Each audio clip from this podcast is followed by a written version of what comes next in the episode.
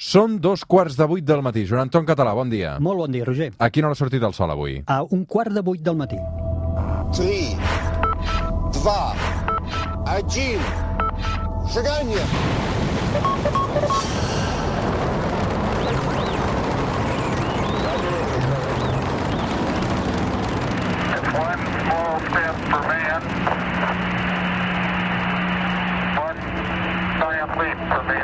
Thank you. Joan Anton Català, com va la vida? Molt bé, Roger. El Joan Anton ja el coneixeu, la Terra és plana cada diumenge a l'hora que surt el sol.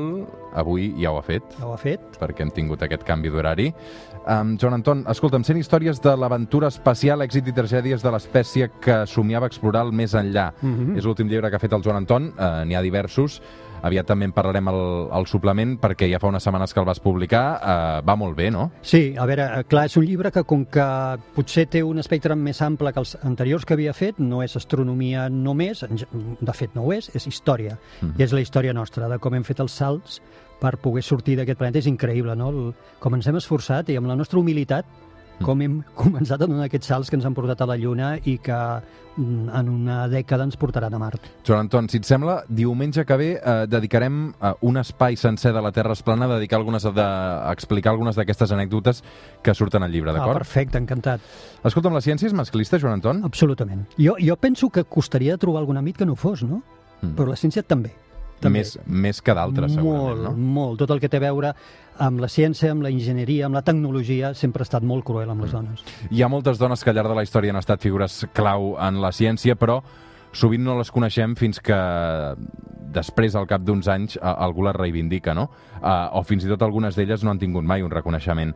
Avui al suplement mirarem de corregir uh, aquests errors que ha fet la ciència, o que ha silenciat, i reivindicarem el rol de les dones precisament en aquest àmbit, en la ciència i també en l'astronomia.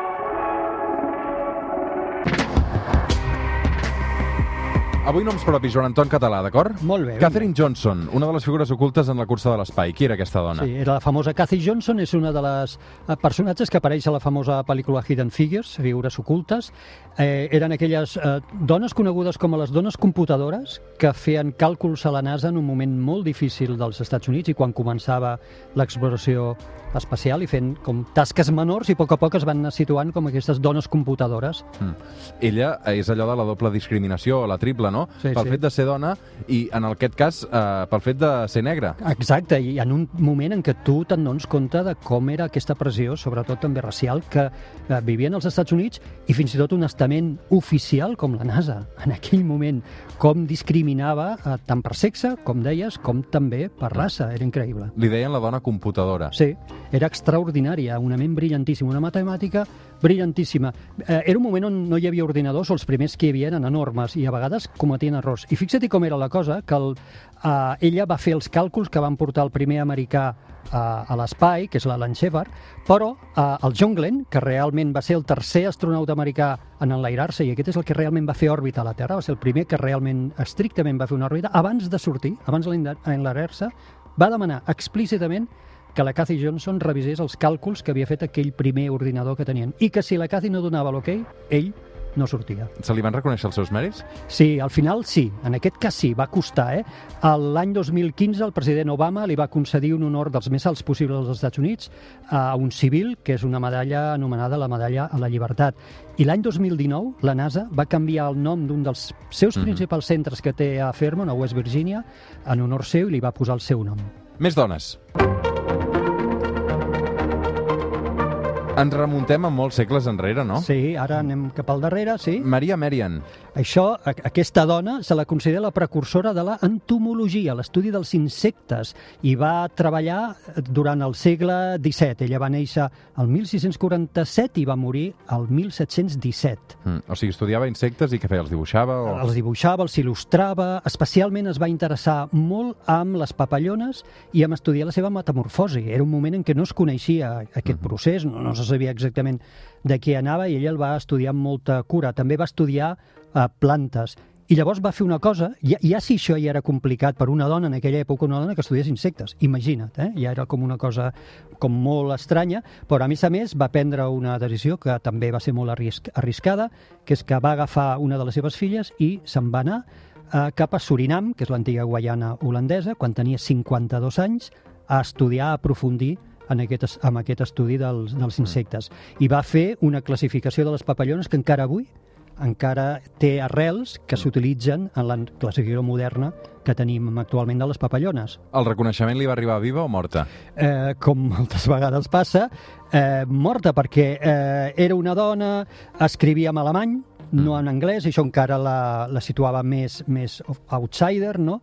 I eh, molta part dels seus estudis van quedar completament a l'ombra eh, i fins i tot l'evitaven. Eh? Es diu que científics de l'època evitaven d'haver-se de trobar amb ella o, o haver de discutir amb ella. Tot i això, afortunadament, és un dels casos que es recuperen i que se'ls retornen els honors. Actualment, ho, vaig buscar-ho, hi ha eh, classes de papallones, nou papallones, dos escarabats, sis plantes, després vaig trobar també dos aranyes Mhm. que porten el seu nom, és a dir, que dins del nom llatí... No sé si és nom... un reconeixement que un escarbat porti el teu nom, eh? En aquest cas jo penso que amb ella sí que li hagués fet gràcia Il·lusió, això, no? sí, li hagués fet il·lusió, i porten la paraula merianae Mhm. a, a, com a l'arrel de la paraula del nom d'aquest insecte. Més dones, Joan Anton, més dones importants en la història de la ciència. A veure, tu, Yu Yu. Aquesta és una senyora xinesa que va rebre el Premi Nobel de Medicina l'any 2015, però atenció, sense ser ni metge, recordo, Nobel de Medicina, eh? no era ni metge, ni tenia cap doctorat, ni havia estudiat fora de la Xina, que són com tres coses que haurien de semblar, que haurien d'anar juntes perquè algú et pogués donar, perquè l'acadèmia et decidís donar el Premi Nobel. Aquesta dona se li atribueix haver salvat milions de vides a tot el món gràcies al descobriment eh, del tractament contra la malària. Eh? Això ho va fer després de, de la guerra del Vietnam o durant la guerra del Vietnam. Ella havia nascut amb el, en l'àmbit d'una família modesta i havia tingut als 16 anys eh, tuberculosi. Mm. Això l'havia allunyat dels estudis a la seva escola. I va decidir, a partir d'aquesta malaltia que ella va tenir als 16 anys, va decidir que ella el que voldria estudiar de grans quelcom que ajudés a la gent a, a sanar-se d'aquest tipus de malalties, diríem, eh, especials. No? I Com va trobar la fer. fórmula? Doncs la fórmula la va fer analitzant tractaments tradicionals xinesos. Va començar a revisar, és a dir, a la guerra del Vietnam estaven emmalaltint molts eh, soldats tant de la Xina com del Vietnam del Nord, i el que va fer el règim comunista de la Xina, amb ella i altres científics, els va posar a investigar com es podien tractar eh, la malaltia de la malària. I ella va rescatar un tractament tradicional que estava documentat en llibres antics que dataven de 400 anys abans de Crist, on es feien tractaments a, par a, a partir d'extractes naturals. En concret, va aïllar un principi actiu de la planta del donzell i va decidir provar-lo amb ella mateixa i uns companys voluntaris i va funcionar perfectament. Aquest descobriment, com et deia abans, ha salvat, es creu que ha salvat milions de vides a tot el món. Mm. Segurament alguns dels nostres oients avui estan descobrint noms propis nous. Mm -hmm. uh, tu, Yu Yu, es deia aquesta. Exacte. dona, eh? Si volen buscar encara més informació. T-U, Yo Yo, eh? Per Sí. així. Té nom de hip-hopera, però en aquest cas era una, era una científica. Sí, deixa'm dir que, que la van amagar, que les autoritats xineses en aquell moment pensaven que aquest descobriment era important també des del punt de vista de l'avantatge militar Mm. i, i científic i van voler amagar el descobriment, que era un descobriment brutal. Uh, finalment no ho van poder aconseguir, el, uh, era el règim del Mao Zedong en aquell moment, no ho van poder aconseguir perquè es va publicar en una revista científica xinesa i a partir de que es va publicar tot el món ho va saber i va donar de seguida la volta al món. De la medicina a l'astronomia, ara parlem de Maria Winkelmann. Correcte, correcte. Una pionera en l'astronomia a Alemanya de començaments del segle XVIII. Aquest seria un dels casos que posaríem com a exemple del tractament absolutament injust que les dones han rebut de la comunitat científica. perquè va ser la primera dona de la història que va descobrir un cometa. Sí, Però però... els llibres d'història no diuen que va ser una dona qui va ser. Ara, ara ja ho diuen, però en aquell moment eh, es va atribuir el descobriment al seu marit, un tal Gottfried Kirch, Mm. que eh, va publicar el descobriment com si ell l'hagués eh, fet. I això no es va saber fins passats alguns anys, que realment no havia estat ell, sinó que havia estat la seva dona. I la comunitat científica això ho va acceptar o no? Eh, La comunitat científica a partir d'aquell moment la van començar a considerar, perquè era una dona potent en l'àmbit de l'astronomia, va fer estudis molt interessants d'aurores i de taques solars, però després, anys més tard, quan treballava a l'Acadèmia de Ciències de Berlín, la van obligar a dimitir perquè resulta que feia d'assistent del seu fill i en aquell moment pensaven que ella li podria fer ombra al seu fill i la van obligar a, a dimitir i anar-se'n d'aquest observatori. Ella tenia només 46 anys, era el 1716 quan va haver de deixar l'ofici d'astrònoma. Joan fa poc llegíem la notícia que un nou robot marcià portarà el nom de la científica Rosalind Franklin. Sí, és el robot que enviarem al juliol a l'Agència Espacial Europea cap a Mart i es va decidir posar-li el nom de la Rosalind Franklin, que és una gran figura també científica britànica, que és la que va descobrir l'estructura en doble hèlix de l'ADN. Eh? Uh -huh. Uh, aquesta també és una figura que déu nhi a la injustícia que s'ha comès amb ella. Ella havia estudiat química a Cambridge i s'havia especialitzat en cristal·lografia i rajos X. I a partir d'aquí, com et dic, va poder descobrir, junt amb uns companys, però ella era la líder d'aquesta investigació, l'estructura en doble hèlix de l'ADN en una fotografia que és molt famosa en l'àmbit científic, que es coneix com la fotografia 51, que ja comença a mostrar aquesta figura de, de doble hèlix. Mm. Uh, però en aquest cas el, el, el Premi Nobel passa una mica eh, igual que el, que el cas anterior, no? que no se li va donar a ella, sinó que va, va ser a dos sí. homes. Ella ja era morta, fixa't, mm. és que a vegades és que increïble, no? com fem tard amb les coses. Ella era morta i el Premi Nobel el van donar per aquesta investigació dos dels seus col·legues. Ella va morir el 1958 i el Nobel es, don, es dona el 1962, que no s'ha títol pòstum mai. Li donen els dos col·legues seus d'investigació i el que potser és més trist és que en la conferència d'acceptació del premi no es fa esment explícit a la figura de, de la Rosalind Franklin. Aquest en sona a tots, és el de Marie Curie, una de les científiques més conegudes, Joan Anton. Sí, aquesta la, més o menys la coneixem tots, hem vist pel·lícules, hem llegit llibres, en veritat es deia, a veure si ho pronuncio bé això, Maria Sklodowska, nascuda a l'any 1867 a Polònia, en una família eh, d'una família humil. El seu pare, que era un físic, la va animar a estudiar ciències, que en aquell moment era una cosa com molt poc habitual. I va acabar anant a París, a la Sorbona de París, on va acabar primera de la seva promoció. Una mm. promoció que, per cert, eh, tot eren homes. Mm. I és la descobridora de la radioactivitat, no? Sí. A final del segle XIX es coneixien uns rajos que en deien els, els rajos Becquerel, en nom diguem, de la persona que més ho havia estudiat, que era Henry Becquerel, que eren uns rajos que produïen eh, com unes fosforescències i venien de uns, minerals, que en veritat eren molts d'ells eh, sals d'urani, etc. I ella, junt amb el seu marit, es va posar estudiar aquestes fosforescències i al final el que se'n va donar és que realment aquests rajos que apareixen, aquestes fosforescències, eren emissions d'àtoms inestables, el que es va anomenar radioactivitat. En aquesta investigació ella va descobrir dos elements químics, el radi, d'aquí ve el nom radioactivitat, i el poloni, que es va posar aquest nom en honor al seu país d'origen. Eh? Uh, va morir d'anèmia als 66 anys. En aquell moment no sabien el que tenien entre mans, no sabien els efectes que la radioactivitat tenia amb el cos humà i no, no anaven protegits. Ella no es va protegir amb la investigació i va morir, com veus, molt jove, als 66 anys, uh, d'efectes de, de la radioactivitat que havia anat acumulant. El, per què el seu nom sí que el tenim present? Perquè és la primera dona en guanyar un Nobel i la primera dona en guanyar-ne dos. és brutal. Havia guanyat, o va guanyar el Premi Nobel de Física el 1903, primera dona en guanyar un Nobel, i el Premi Nobel de Química el 1911, primera persona, ja no dona, que guanya eh, dos Nobels. També perquè tot quedi, perquè quedi constància, diríem, en el registre, el primer Nobel, el que li donen de física, el jurat decideix no donar-li amb ella, només donar-li al seu marit. Mm. El seu marit se n'assabenta i es nega a rebre aquest Nobel si no és compartit amb ella i amb Becquerel, aquest altre, eh, i finalment accedeixen i Curie guanya, Marie Curie guanya també el Nobel de Física, com et dic, compartit amb el seu marit, però fixa't, no li volien donar amb ella. De la radioactivitat està tot resolt o encara ens queden preguntes? No, jo diria que de preguntes més o menys les tenim. Eh? El que s'està estudiant molt són en els efectes, que alguna vegada n'hem parat en el programa, en els efectes que té sobre el cos humà. És dir, quines dosis, de quina manera, durant quant de temps, etc. Però la radioactivitat la tenim molt, molt ben analitzada científicament.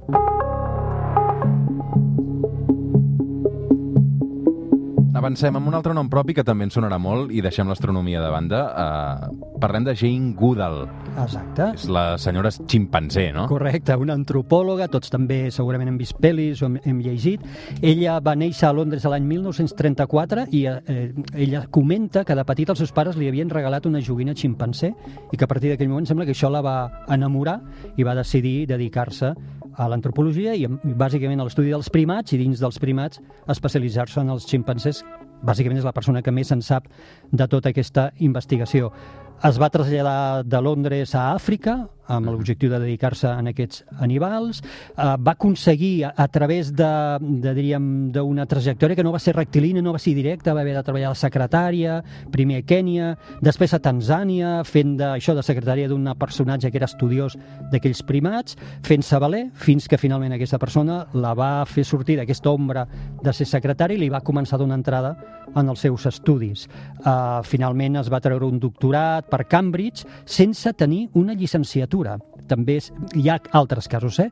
Uh, que ho vaig estar mirant quan, quan vaig preparar el guió, però vaig pensar, uh, és cas únic, no, no és cas únic, però n'hi ha molt pocs que Cambridge hagi permès donar un doctorat sense que abans hagis d'haver passat la carrera, sense que abans hagis estat llicenciat d'aquella carrera. Ell és un d'aquests casos.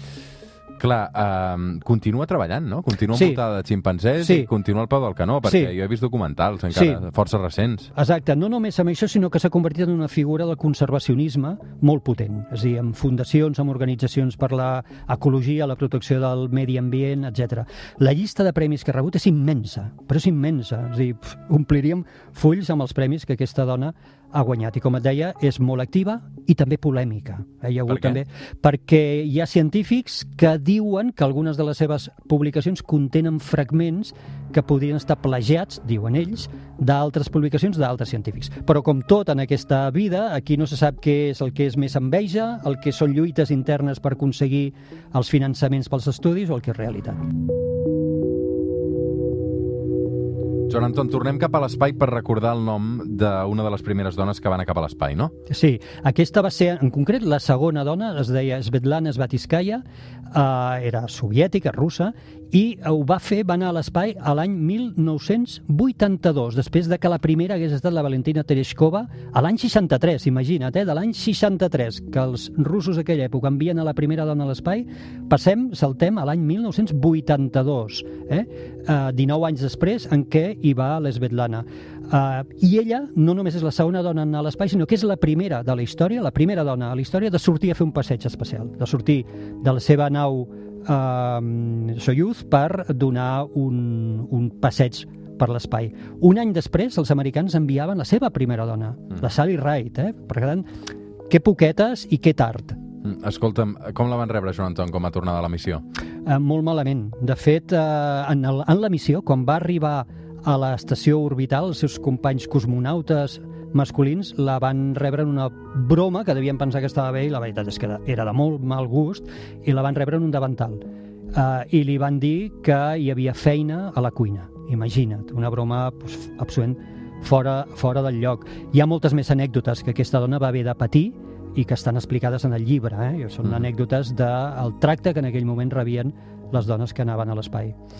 Va ser la primera que va passejar per l'espai, Correcte, eh, per això és molt important, el que dèiem és molt important, perquè, eh, clar, una cosa és anar a l'espai, que ja de per si té el seu mèrit, i l'altra és la valentia i el coratge de sortir fora en aquells moments. Estem parlant de fa molts anys. Ella va ser la segona eh, dona, com dèiem, a l'espai, però la primera dona en sortir a fer un passeig a l'espai. Avui amb el Joan Anton Català ens hem dedicat a repassar noms, noms de dones científiques, noms de dones astronautes que han culminat fites importants en el món també de la ciència i de, de l'astronomia. Avui és 8 de març i avui el suplement eh, sona una mica diferent. Joan Anton Català, què hi passarà aquesta setmana al cel? Doncs si tenim quart creixent de lluna, però aquí la notícia és que tenim quatre planetes visibles a ull nu, tres a l'alba i un de vespre. El de vespre és Venus, que n'estem parlant als darrers capítols, molt brillant sobre l'horitzó oest quan s'amaga el Sol, i Mart, Júpiter i Saturn a l'alba, abans de que surti el Sol, cada cop, cada cop més juntets els tres. És un espectacle. Fantàstic, Joan Anton, una abraçada ben forta. Gràcies igualment. Fem una pausa i tornem.